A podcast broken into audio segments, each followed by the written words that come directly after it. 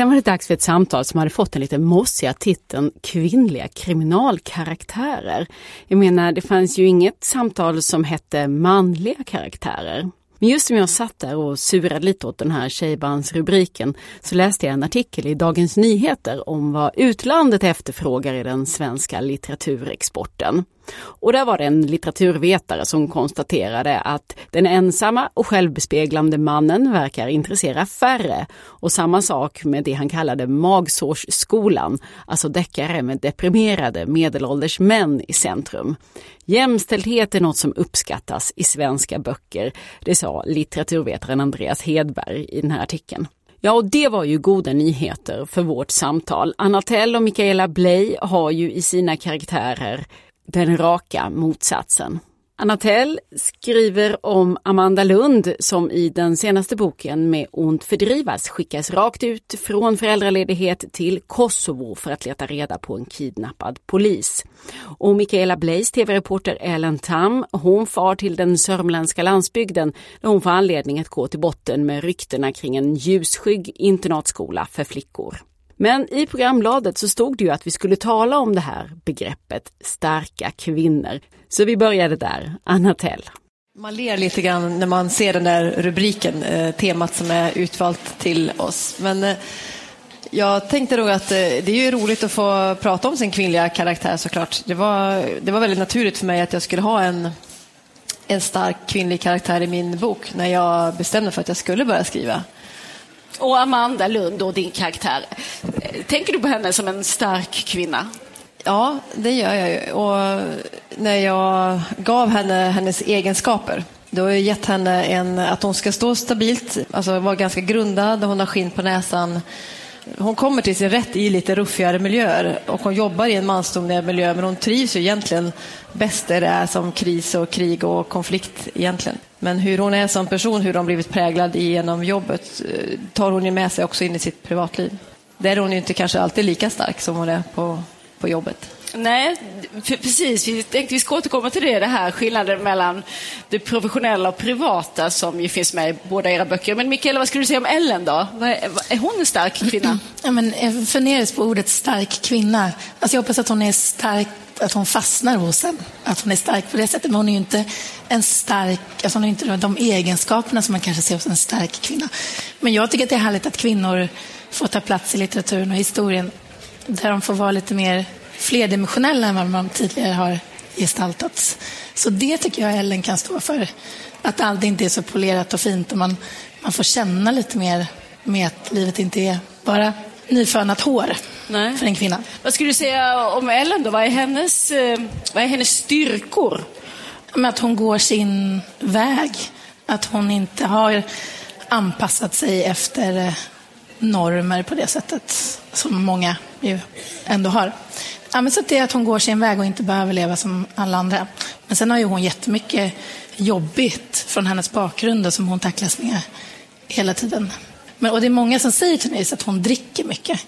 Men hon dricker nog inte så mycket mer än vad manliga kriminalkommissarier har gjort genom tiden. Men man, man har en annan eh, förväntan på kvinnan. Man kan ju också fundera på vad det är det som skulle göra en människa, eller en kvinna i det här fallet, stark. Och då tänker jag på att mycket av böckerna utspelar sig på deras, i deras arbetsmiljöer. Amanda jobbar hos polisen på NOA i en miljö som ju är väldigt mansdominerad. I verkligheten finns, finns hon inte ens, eller hur? Finns inga kvinnor.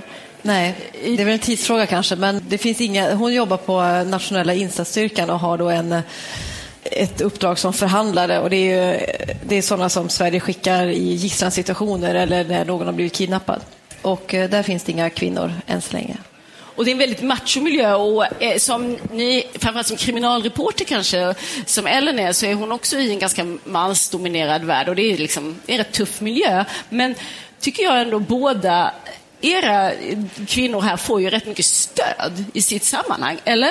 Jag tänker att att Amanda hos polisen där och Noah, hon har ju väldigt bra kollegor och det är ju inte det här sexistiska ifrågasättandet som man lite fördomsfullt kanske hade förväntat sig. Nej, och så känns det lite så här som att jag vill inte skriva om det. Eh, utan eh, därmed inte sagt att det inte finns. Men eh, jag tror också att eh, jag har hellre valt att placera Amanda i sådana länder där sexism är liksom en, det, det liksom, hon, hon, träffar karaktärer som har en annan livssituation än vad hon själv har. Hon har ju i första boken så är hon i Afghanistan och det är klart att det finns ju väldigt tydliga könsroller som också eh, per automatik eh, betyder någonting, vilket upp, vilken uppgift du får i samhället i Afghanistan till exempel. Så jag, ju, jag, hanterar ju ämnet kanske, även om det inte är Amanda som huvudperson som har en, en dålig vardag, eller vad man ska säga. Men hur kom det sig då att du ändå har gett henne så bra chef och så bra kollegor? Och det är ju inget, inget, inget liksom snack om att Amanda som kommer tillbaka efter en föräldraledighet dessutom och känner sig lite ringrostig, hon får ju fullt förtroende att eh, ge sig ut på ett svårt uppdrag direkt. Det här hänger också ihop med lite av det skrivtekniska. För att Amanda ska kunna ha det här jobbet och för att det ska vara trovärdigt så måste hon ju vara en stabil person. Hon, eh, hon äter inga mediciner, hon är stabil, hon, har inga, hon, har inte, hon går inte hos psykologen, hon, har, hon, hon står stadigt sådär. Men också för att hon ska kunna ta de här uppdragen i andra länder då måste det finnas en, eh, en tro på henne som eh, i hennes, yrkes, i hennes profession för att hon ska kunna åka iväg och när man tänker så, är det realistiskt att man i verkligheten, skulle det bara vara Amanda Lund som opererar i Afghanistan i första boken? Eller skulle Sverige ha kanske 20 personer som gjorde det jobbet som hon gör? Eh, och någonstans ligger kanske egentliga sanningen någonstans däremellan. Men för att skapa trovärdighet åt berättelsen så måste hon ju vara en person som, som klarar sig själv och har skinn på näsan. Då måste ju cheferna tro på henne som person och hon kan få det här uppdraget. Det är enmansuppdraget i Libanon till exempel som hon har i tredje boken. Nej, det är tufft nog ändå. Ska man dessutom ha en chef som ifrågasätter en då, då, blir, det, då blir det helt omöjligt. Men, eh, och Ellen på TV4 som ju hon arbetar, hon har ju också en, en snäll och stöttande chef. Ja. Kanske lite väl stöttande. Ja, men precis. De har ju lite mer än bara en chefs eh, och anställd relation. Men däremot så tacklas ju hon med, hon kommer ju från ett förflutet som inte hennes kollegor gör. Och hon känner ju alltid att hon jobbar i motvind och inte riktigt accepteras av kollegorna. Hon känner sig alltid ny eh, och ung och oerfaren fast hon egentligen har jobbat där rätt länge och är duktig på sitt jobb. Och det är nog ganska vanligt, tror jag, tyvärr. Tror du det sitter hos henne, tänker du? Eller att, tänker du att hon faktiskt... Nej, men jag tror faktiskt ofta att det sitter hos en själv. Mm. Att man själv måste känna eh, den tryggheten i sig själv för att få den respekten. Men inte bara så enkelt såklart, men, men jag tror att det är en kombination av de två. Och ehm, nu, eh, och inte minst efter hela metoo-vågen, så vi ju har vi väldigt eh, stor uppmärksamhet på sexism som förekommer på arbetsplatser till exempel. Och, nyhetsredaktioner har ju varit inte minst i fokus under mm. den, men det, det verkar Ellen ganska förskonad från, eller? Mm, nej, det är väl ingen som är förskonad nej, jag, tänker, jag tänker just eh, på jobbet sådär. Så, ja. alltså, i... nej, men hon har ju varit ihop med alla typ. Okay. nej, men hon, eh, ja men nej, det har inte jag skrivit så mycket om på arbetsplatsen. Så hon är ju rätt, eh, alltså hon är ju ute på jobb rätt mycket själv, så hon är ju inte så mycket på redaktionen på det sättet. Tror ni att, eh, jag vet inte hur långt riktigt vi har kommit ännu. Nu har det ju skrivits mycket av moderna deckarböcker med eh, alla möjliga slags karaktärer och samtidsproblem som tas upp. Hur långt har vi kommit i? Hur fri är man att skildra en kvinnlig deckarhjälte? Måste man liksom fortfarande spetsa till det lite grann ur något slags feministiskt perspektiv till exempel? Jag tror att man, alltså jag tror att just kvinnoperspektivet, det finns ju så många berättelser som inte är berättade än. Och jag tror att man, alla vill vi ha nya perspektiv och nya berättelser. Och jag tror att just det här kanske att inte behöva göra dem till hjältar eller antihjältar utan att de får vara mer mänskliga och att man får känna mer, mer med kvinnliga karaktärer. Det tror jag kommer bara bli större och större. Det blir bara mer och, och, du är, är, verkligen där ju med Ellen. Mm. Jag skriver ju om, om kvinnor och kvinnoöden och tycker att det är superintressant. Och dels utifrån hur men att det behövs det perspektivet och få veta också men att beskriva hur vi ser på kvinnan och vilka normer vi är fast i fortfarande. Vi har inte kommit så långt som man kanske hoppas, tycker jag. Gick du i sådana tankar, Anna, att du ändå behöver bekämpa några fördomar nu om du ska sätta en kvinnlig polis i fokus? Nej, jag tyckte inte att det var... Utan det var så givet att det skulle vara en, en kvinna som var huvudkaraktären och som jag också tillskrev en hög riskaptit och att hon var ganska modig och gärna kanske Vet man, när man skapar sin karaktär för att hon inte ska, man hittar med egenskaperna som som måste vara specifika för henne för att hon ska vara intressant som person och följa. Så där, så det, var, det var liksom ingen tvekan om vilka egenskaper hon skulle ha. Man är, eh, vår generation är också påverkad av att det, fanns, det här fanns inte när vi själva växte upp. Det fanns liksom inga, det fanns inga kvinnliga huvudkaraktärer på det viset utan eh, de hade en biroll eller de hade en, eh, stod vid, mer vid spisen-uppdraget kanske om de hade en roll överhuvudtaget. De var i alla fall inte huvudkaraktären som Nej. drev berättelsen framåt. De var väldigt endimensionella. Ja, Vi måste ju också berätta det spännande med dig, Anna, är att du ju är, har en djup inside-kunskap eftersom du är polis och jobbar fortfarande inom mm. Eh, myndigheten, inom Säpo idag, men eh, har ju erfarenhet från olika delar också av försvaret, eller hur? Så att eh, du kanske ser kvinnor runt omkring dig i den miljön som inte du tycker finns med i litteraturen, eller? Det är klart att man, eh, man hämtar mycket inspiration i jobbet, även om jag inte jag försöker hålla mig ganska långt ifrån min nuvarande arbetsgivares uppdrag när jag skriver mina böcker. Uh, hittills har jag skrivit väldigt mycket polisiärt eller Försvarsmakten eller kopplat till, till UD. Inte så mycket där jag jobbar idag. Men det är klart att man snubblar över intressanta människoöden som man tar med sig. Mm. Är du en kvinna med hög eh, riskaptit? Jag tycker det är ett sånt läckert uttryck. har du hög riskaptit? Man vill ju inte anses vara oansvarig nu när man är tvåbarnsmamma och så. Så att eh, jag kanske balanserar det där. Men eh, jobb som jag har haft i andra delar av världen har ju sett ut på ett sätt innan jag fick barn.